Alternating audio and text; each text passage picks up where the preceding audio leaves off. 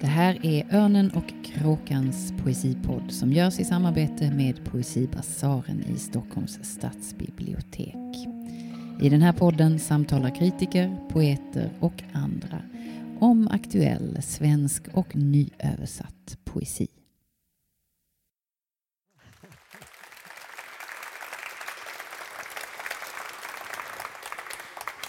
Hej och välkomna till Örn och kråkans podd. Jag heter Henrik Sahl Johansson och jag är väldigt, väldigt glad att ha med mig Birgitta Holm här idag. Litteraturprofessor emerita och författare. Och eh, vi ska prata om den här boken, din nya bok som kommer nu i dagarna. Nemosyne, eh, nio essäer om skapande. Och eh, Nemosyne, den minnets gudinna, svävar ju över hela boken kan man säga. Eh, först och främst, berätta om den här gestalten och säg någonting om varför du valde henne som ingång till eh, de här essäerna. Jo, eh, jag är också väldigt glad att eh, det har kommit så många och det är tjuvstart för boken. Den är inte riktigt ute än, men eh, kommer om ett par veckor. Jo, alltså man brukar ju säga slentrianmässigt minnet är musernas moder och inte grubbla så mycket mer över det. Men eh, av olika anledningar så kom jag att haka upp mig på det. Och spårar man då tankegången bakom det så är det den grekiska myten där jag faktiskt överrumplades själv av hur oerhört stark gestalt Mnemosyne är i den grekiska mytologin. Hon hör till den första generationen gudar på Olympen och född ur, direkt ur jorden och himlen. Eh, så det är några stycken som hör till den där generationen, titanerna kallade. Och eh, med Mnemosyne kom språket och orden till. Så att eh, det hon har en, en oerhört stark ställning i hela skapandet av det mänskliga. Och eh, minnet, alltså språket blir då på något sätt minnets verktyg. Eh, Birgitta Trotzig har talat om det när det gäller Gösta Osvald som boken är dedicerad till. Eh, för han var en minnesatlet, en minneskonstnär. Men också eh, en av författarna i den här boken är Christa Wolf, den tyska före detta DDR-författarinnan. Och till romanen Cassandra har hon ett slags föreläsningssjok där hon reflekterar över tillkomsten och olika sidor av boken. Och hon reflekterar på ett ställe över hur kommer det sig att det är just den grekiska kulturen, att det är Grekland som möjligen, vi brukar säga det i alla fall, är kulturens och demokratins vagga. Och en tanke hon för fram är just att i, i andra högstående kulturer, egyptiska, orientaliska, så är det monument man bygger. Eh, pyramider för sina kungar och man liksom hyllar sina gamla hjältar eller eh, överheter med byggnader.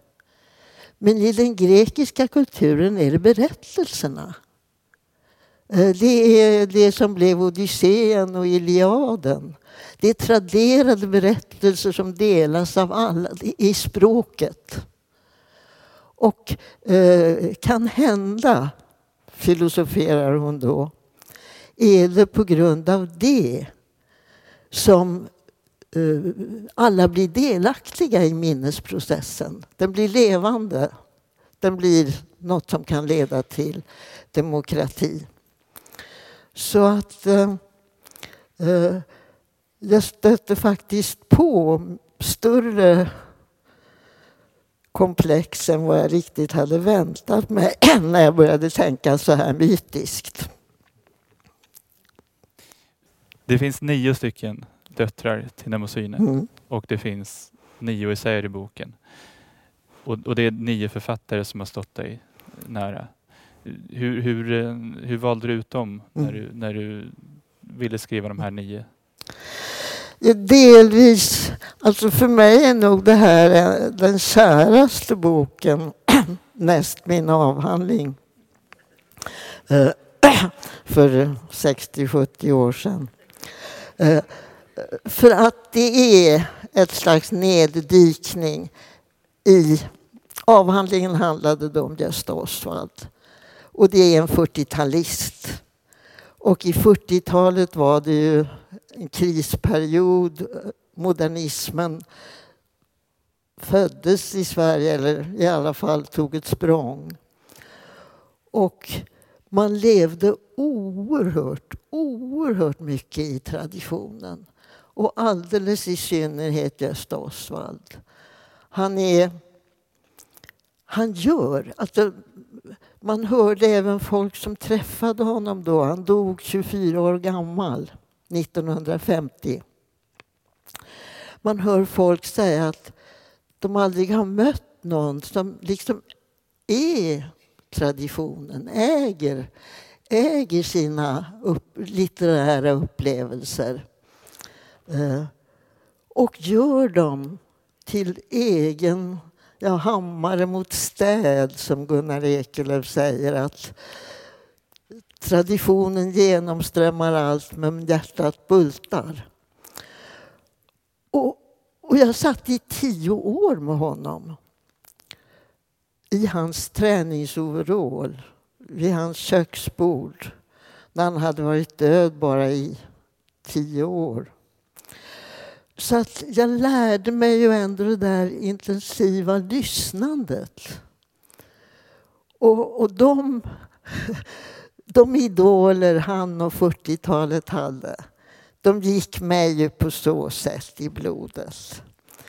Och sen har de bara legat där. Eh, eh, eh, så när jag kom in på det här så var det liksom nästan som slagruta Att gå till de här som ligger vilar inom mig.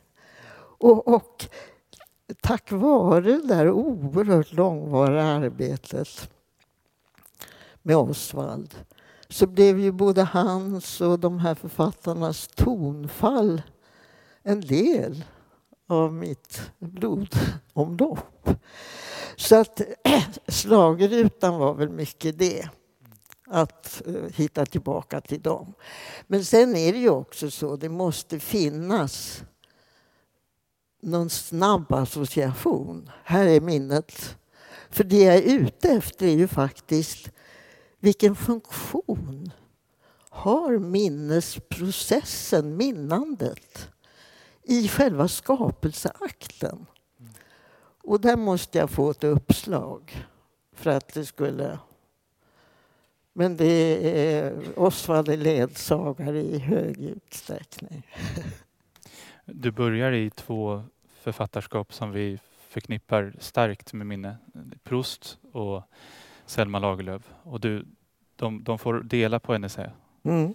eh, för att de har många likheter. Men du pekar också ut skillnader eh, mellan hur de arbetar med minnestekniker. Eh, du talar om Prousts sinnesintryck och Lagerlöfs sinnesrörelse.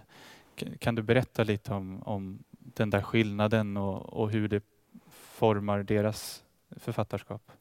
En anledning är att hon faktiskt råkar nämna Proust en gång. Hon läser första delen av På spaning och blir alldeles omtumlad. Eh, hon, blir mot, eh, hon skriver om det där läsningen i några brevrader. Men helt eh, liksom förvirrad av texten. Å ena sidan är det barndomsminnen och å andra sidan talar han som en professor. Och eh, eh, det är nästan som att hon tycker han gör ett övergrepp på barnet genom att vara så professorlig. Men samtidigt håller hon på med sitt sista verk, dagbok för Selma Ottilia Lovisa Lagerlöf. Här lägger jag mitt fulla namn i dagen. Eller som hon säger med den titeln. Och där handlar det helt och hållet, åtminstone i skapelseakten om att en period som hon fann hade funnit precis död borta. När hon sätter sig och koncentrerar sig så stiger den liksom upp. Det ena efter det andra. Och så kommer de här bilderna i dagboks... Det är en låtsasdagbok då. Där hon går ner i den där Stockholmsvintern. Eh, och eh, sen har jag ju då skrivit om Selma också och, och som Henrik säger så är det det, det är ett, en minnesprocess. Hon, hon låter sig fyllas av känslostämningar. Och sen kan hon förklä dem. Men det är förklädda memoarer skulle man på ett sätt kunna kalla hela Selma Lagerlöfs författarskap. Och då... Eh, och, och Proust, han säger ju att hela min uppväxt, Combré, barndomsställena var döda för mig. Det enda han kommer ihåg är en utebliven godnattkyss av mamman. Tills han smakar madeleinekakan. Och smaken, alltså mot gommen, väcker något. Han blir alldeles rusig av lycka. Han, han blir eh, ett slags lyckotillstånd som han inte förstår. Och så gör han precis som Selma. Han sätter sig och nästan som ett förlossningsarbete och försöker komma underfund med vad är den här lyckan? Och då identifierar han det med eh, söndagsmorgnar i barndomen då han eh, åt samma sak. Och plötsligt är allt utfyllt. Och det, det är liksom eh, att tomma kulisser blir fulla av färg, liv, rörelse och en hel värld träder fram. Och på ett sätt är det samma processer. Men Proust är ju känd för att han vill inte beröra, utan det är professorligt. Och de som har träffat honom beskriver att han kunde aldrig röra vid en människa, men han förevisade. Och alla de här tillfällena då minnena väcks har med sinnesintryck att göra. En gatsten. Eller eh, känslan av en servett mot munnen. Och då kommer det, det förflutna tillbaka. Medan Selma genomgående när den här minnesprocessen stiger upp så är det just en sinnesrörelse. Och vissa sådana här urminnen då hon går tillbaka till är när hon blev arg som 14-åring i ett kortspel och kände hur en drake steg upp inom henne. Och hon måste försöka trycka tillbaka den här väldiga draken av vrede. Och den kan hon utnyttja alltså. Då blir livet fullt när hon släpper fram den där draken. Men nu är det förklätt i en annan konstellation. Så eh, det var väldigt roligt i alla fall att, eh, att se att det är det är ofrivilliga minnen. Det är någonting som tänder till. Och sen att den här tändsatsen kan vara av så skilda slag men ändå få samma effekt. Det är en jättefin idé, hela boken om det här med ofrivilliga minnen och, och, och frivilliga minnen. Och, eh, just det ofrivilligas association och som kommer till oss. Eh, men sen så jämför du det med exempelvis Joyce i Ulysses mm. som, om jag förstår det rätt, eh, han jobbar mer som en katalog av minnen och eh, dokumenterar ett liv så att säga. Kan du berätta någonting om den skillnaden och vad det innebär också i skrivandet? Jo, för att det mest berömda minnet är väl egentligen Prousts madeleinekaka. Och, och madeleinekakan är stickord för ett ofrivilligt minne. Och Proust gör en oerhört skarp distinktion mellan alltså minnen vi försöker framkalla är värdelösa. Att sätta sig och försöka minnas någonting, Eh, det är inte konst. Men det ofrivilliga minnet, det där som bara stiger upp av någonting, det är, det är detsamma som skapande. Vad vill konsten? Jo, den vill ju få oss att förnimma livet och, och, och, och få det utfyllt. Och det är precis vad det ofrivilliga minnet gör. Så att det ofrivilliga minnet har ju blivit eh, kult nästan. Att det, det är det bästa som kan hända en. Och, och, och det eh, skulle i, i sig då kunna vara identiskt med vad konsten gör. Det är konst. Men då, eh, en av figurerna här är då James Joyce. Och han lär ha haft ett fotografiskt minne. Så att eh, eh, det är Ulysses jag tar upp. Och den utspelas ju helt under en enda dag i Dublin. Och på ett sätt är Dublin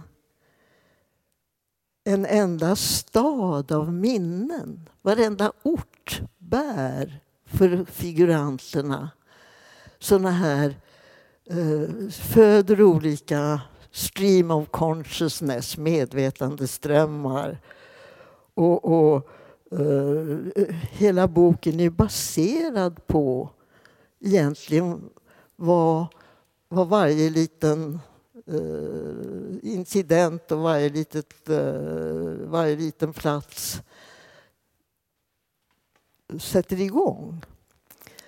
Men Eh, det var skönt nästan att se då, han är ju ganska jämnårig med Proust, att den här vördnaden för det ofrivilliga minnet, att det bara är där, det angår honom inte. Allt ska i potten hos Joyce. Allt kastas in.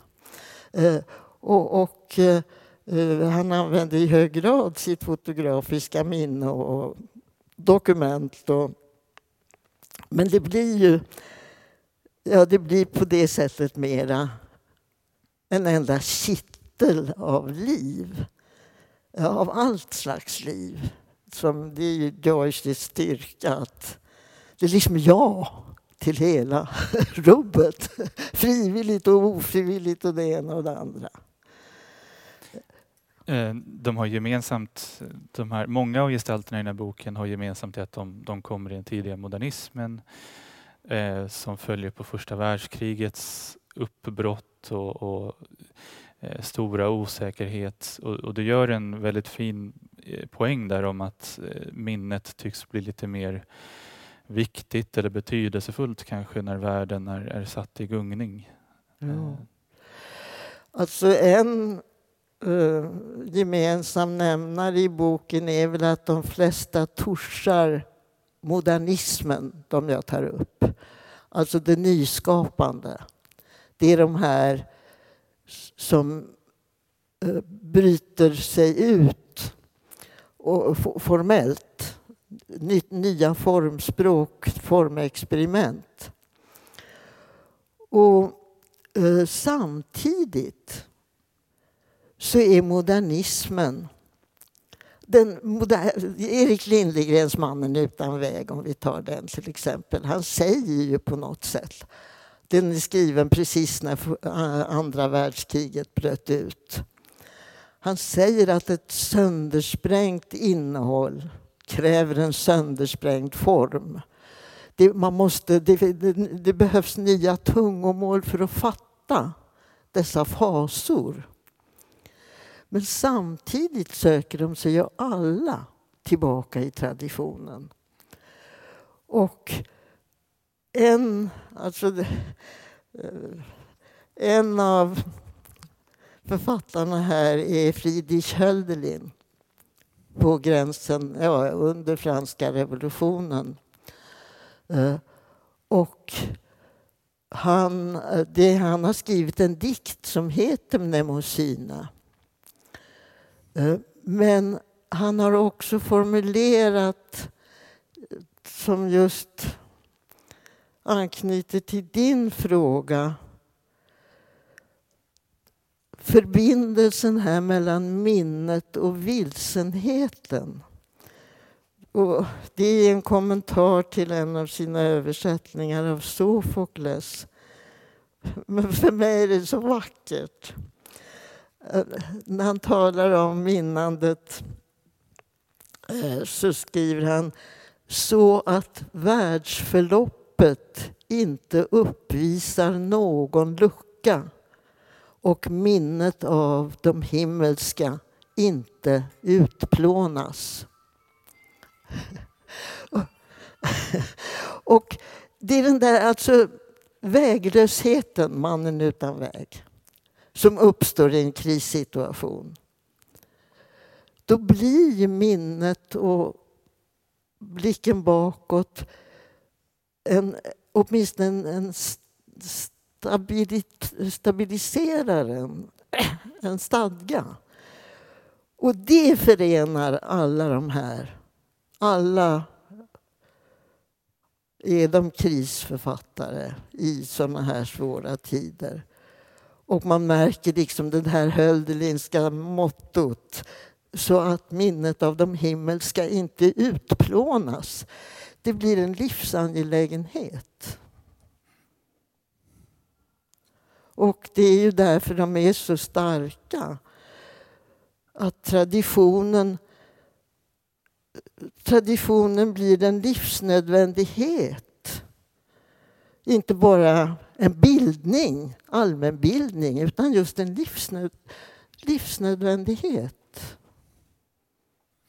Du, du skriver boken i en tid, du touchar lätt vid att den här sommaren liknar lite grann och den tiden också kanske. Mm.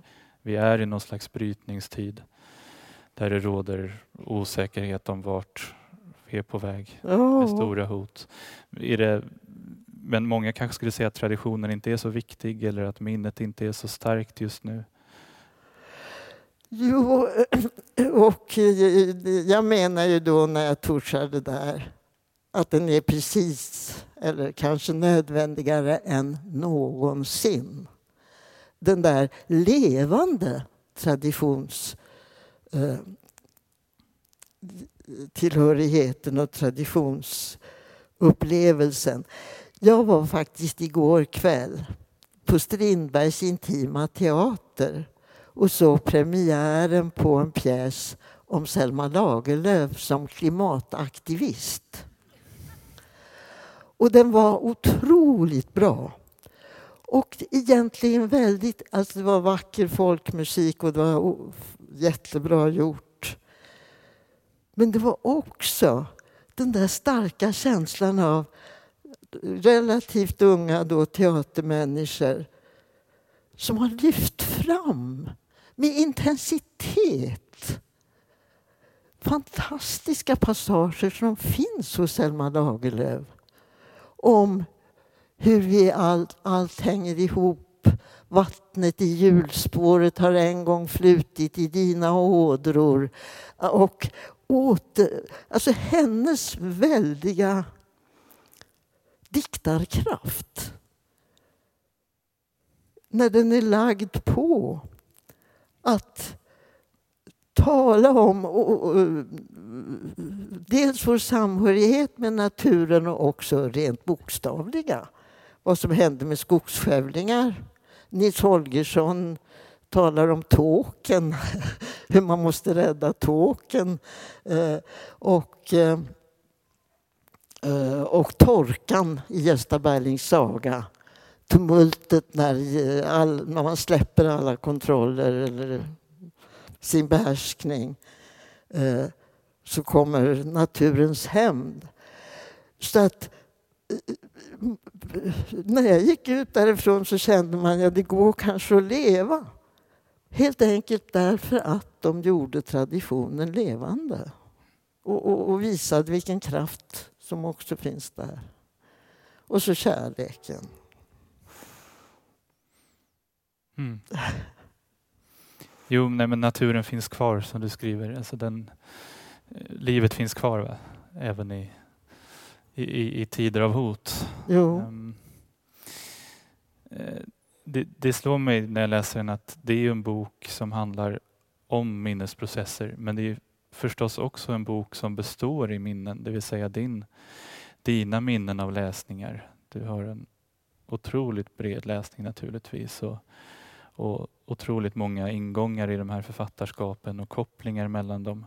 Hur, hur, efter så mycket läsning, hur ser ditt minnesarbete ut i relation till till litteraturen och all, allt det du har tillskansat dig under åren? Uh ja, på, eh, på ett sätt så kan man väl säga här att eh, jag överrumplades av hur, hur intensivt lyckligt jag har burit på det här utan att ana egentligen att, att de ligger där. Mm. Så att det kan man säga. I och med att jag satte igång att skriva så, så fick jag ögonen på en dold skatt. Att ja, de har satt sig hos en, de här författarna som man läste jag, mellan 23 och 33 var jag. Eh, och sen, sen gjort helt andra saker. Men en en sak som jag tycker är viktig här. Jag avslutar min bok med en liten novell av den latinamerikanska Borges. Eh, som, som jag kallar en litet satyrspel, liksom en liten krumelur efter de här. För hans novell heter Shakespeares minne. Och ni vet kanske han kan börja som, ja det är lärt och det är så. Och sen glider det ut i det ideala. Och det ideala här är att en Shakespeare-forskare, torr och akademisk, blir erbjuden att få Shakespeares minne av någon som vill bli av med det har haft det, och, och han tackar ja. Och han har då påtat hela sitt liv med Shakespeare. Och nu tror han att kanske får jag äntligen en glimt av vad som ligger bakom de här odödliga raderna och så citerar han ett eller annat. Och så har han det här minnet eh, väck, kommer då lite gradvis. Men eh, ju längre tiden går desto mer inser han att Shakespeares minne har ingenting med skapandet att göra. Det personliga minnet. Så att det personliga minnet är vitt fyllt från de odödliga raderna. Och, och, lite så skulle jag nästan svara att visst, eh, eh, det är som ett särskilt skikt ändå, fast förhoppningsvis påverkar den. Men ett avskilt skikt där de här litterära tonfallen dväljs inom en. Det är nästan ogripbart vad de har gjort med en. Plötsligt så finns de där och, och, och bär gripenhet och livskänsla. Men det är väldigt skilt från att sitta och ha minnen eller sitta och minnas saker och så. Utan när de här läsupplevelserna fick sin chans så var det nog bara snarare som en, en, en, en kraftkälla som ligger bortanför att vara farmor eller så. Eller som ett bibliotek kanske? Ja, Som, visst. som visst. Borges. Ja, precis. De finns här och eh, vi lever på ett sätt separat men genom att de finns så finns det en, en, en resurs. Eh, hemlig resurs som kan strömma över oss. Ja. Mm, Jag tycker det är så spännande med Proust och hans lyckoögonblick. Det är där det börjar egentligen, Mm. i, i Prousts lycka. De tolv stycken lyckoögonblicken som någon räknade ut i På spaning. Eh, och, och jag börjar fundera på om jag själv hade några sådana. Jag, jag, jag tror inte riktigt att jag har några sådana starka. Om, och, om jag har det så kanske det är just när jag har läst, så att man har liksom förnimt en väldigt stark lycka. Har, har du Proustska lyckoögonblick i ditt liv som du som har utlösts av någonting. Nej, men däremot är det klart man kan känna skillnad på minne och minne. Och just det där när... eh, när för det Proust talar om och det, och det gäller både Selma och honom då i det där första kapitlet. Att en del av lyckan i det är att två tidsplan samexisterar. Man är kvar i nuet. Men det här ögonblicken eller det förflutna har samma konkretion eh, och, närvaro. Så att föreningen av de här två tidsplanen är eh, en avgörande, eh, en avgörande del av det.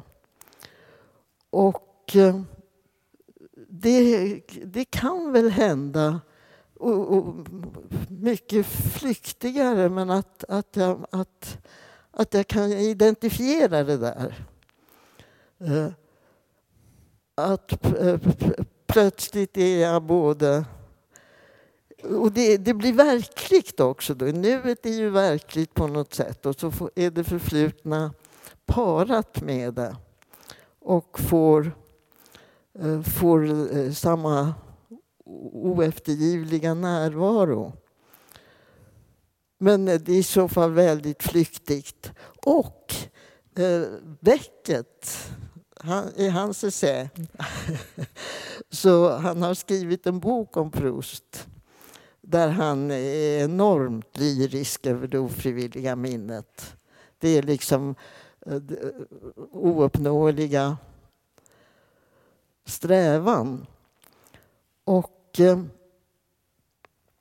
eh, där drar jag nästan, ja, jag drar den slutsatsen att egentligen skulle man kunna se hela Beckets författarskap som eh, ett försök att, eh, ja, att, eh, att sträcka sig efter det ofrivilliga minnet men aldrig nå det. Vi möter aldrig Godot. Och att Godot är det här eh, som Proust talar om och som för de flesta av oss ändå är ganska ouppnåeligt. Eh, så han, han, eh, han, han väljer istället att bli vanans och slentrianminnets författare därför att det här eh, saliga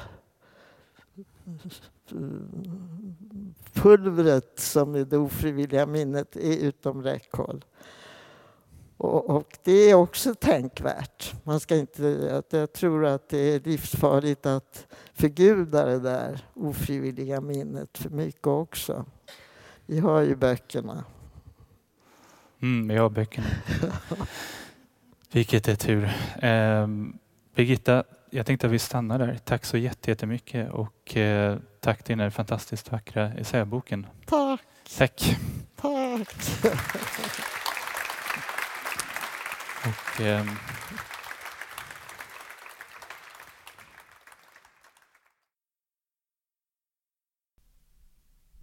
Du har lyssnat till Örnen och kråkans poesipodd. Läs mer om aktuell svensk och nyöversatt poesi på ornenochkrakan.se